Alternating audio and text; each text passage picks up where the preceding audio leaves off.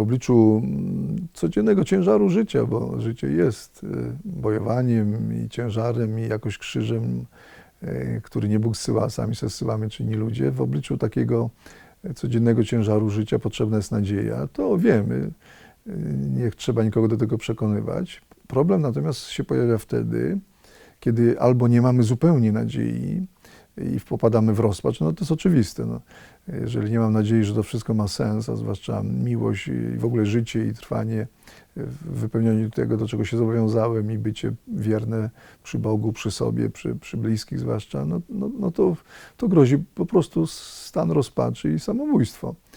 Co roku w Polsce kilka tysięcy ludzi odbiera sobie życie, a to wprost, tak jak jest to zdiagnozowane jako samobójstwo, ale przecież dziesiątki tysięcy odbierają sobie życie pośrednio, no wprost, ale zdiagnozowane to jest na przykład jako skutek alkoholizmu, narkomanii, hazardu, erotomanii, wypadki przy pracy, wypadki samochodowe, ale część z tych przypadków, a przy uzależnieniach to wszystkie, to są przecież formy samobójstwa, tylko na raty.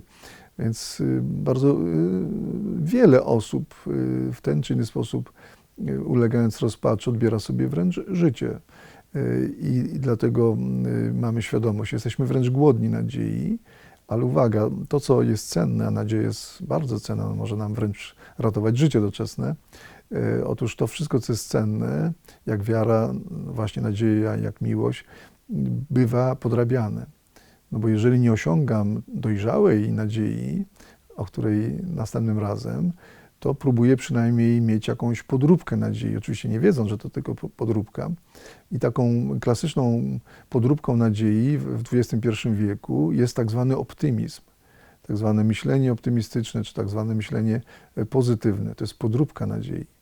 Dlaczego? Dlatego, że e, tego typu myślenie, tak zwane pozytywne, ciągle dodaję że tak zwane, w najlepszym przypadku jest y, selektywne to myślenie, czyli wybieram z całej rzeczywistości mojej, która ma na mnie wpływ, tylko to, co jest rzeczywiście pozytywne, rzeczywiście, to nie jest myślone, ale nic innego nie zauważam.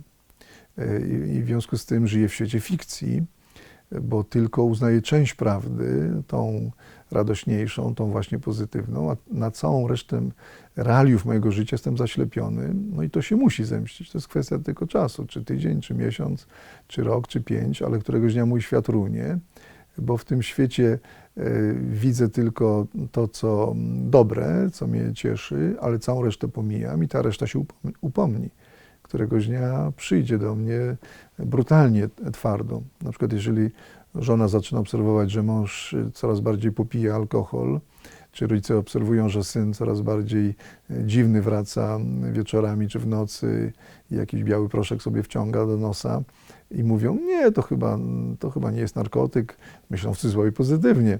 E, i mają nadzieję, że to się, po ich niemu mają nadzieję, że to, że to nie jest jakiś duży problem, no to któregoś dnia może ten problem wybuchnąć tak mocny, że sobie nie poradzą, że ich zmiecie z powierzchni tej ziemi, że tak powiem, przynajmniej psychicznie, duchowo, także emocjonalnie.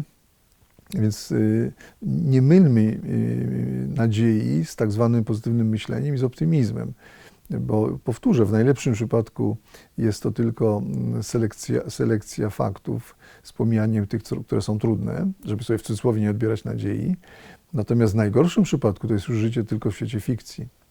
E, Adler, e, uczeń Freuda, powiedział bardzo mądrą rzecz e, już ponad 100 lat temu, że ludzie, którzy sobie nie radzą z życiem, wyrabiają sobie fikcyjny obraz własnej wielkości, ale fikcyjny, który współczesnym językiem nazywa, niektórzy nazywają pozytywnym obrazem siebie, czy pozytywnym myśleniem, czy optymizmem. A to jest fikcja, że jestem mocny, że sobie ze wszystkim poradzę, że nie ma słabości, czy że inni wokół mnie są też urodzeni dobrzy z natury, spontanicznie się rozwijają. Więc to jest takie bardzo pozytywne myślenie, że istnieje wychowanie bez stresów, prawa bez obowiązków, że w każdej sytuacji wystarczy nam sił. Mile to brzmi, a to nie jest nadzieja. To jest podróbka nadziei, która rozczaruje, bo to jest tchórzostwo wobec prawdy.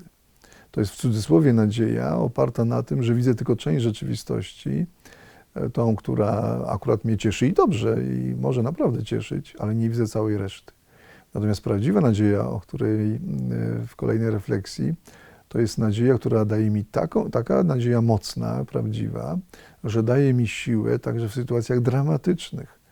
Daje mi odwagę, by widz- widzieć całą prawdę o sobie, o drugim człowieku, o życiu na tej ziemi i mimo e, e, uznawania tej całej prawdy, także bardzo bolesnej w niektórych wymiarach, mimo uznawania tego, że ta ziemia po grzechu pierworodnym i kolejnych grzechach kolejnych pokoleń jest czasami e, doliną ciemności, padołem łez, że mimo tego wszystkiego życie ma sens i że starczy mi siły, aby sobie w tym życiu poradzić, wytrwać do końca.